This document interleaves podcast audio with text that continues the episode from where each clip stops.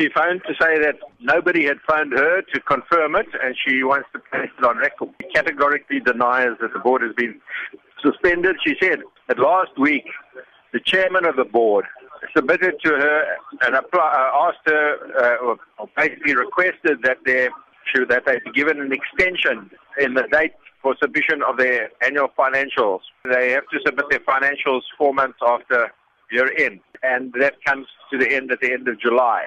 So that the board, the chairman of the board, requested an extension last week to for the submission of submission uh, of financials, saying that they wouldn't be able to have them ready in time.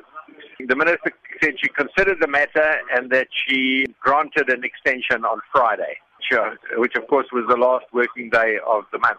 And she flatly denied that she has suspended the board, which surprises me because I've got information from two different sources that she has uh, suspended the board. But anyway, I'm not arguing with her. I'm just reporting that she has denied it. Spectrum het intussen die departement van energie gekontak, maar is gevra om 'n navraag in die verband te rig voordat iemand ons te woord sal staan. Just send us an email please.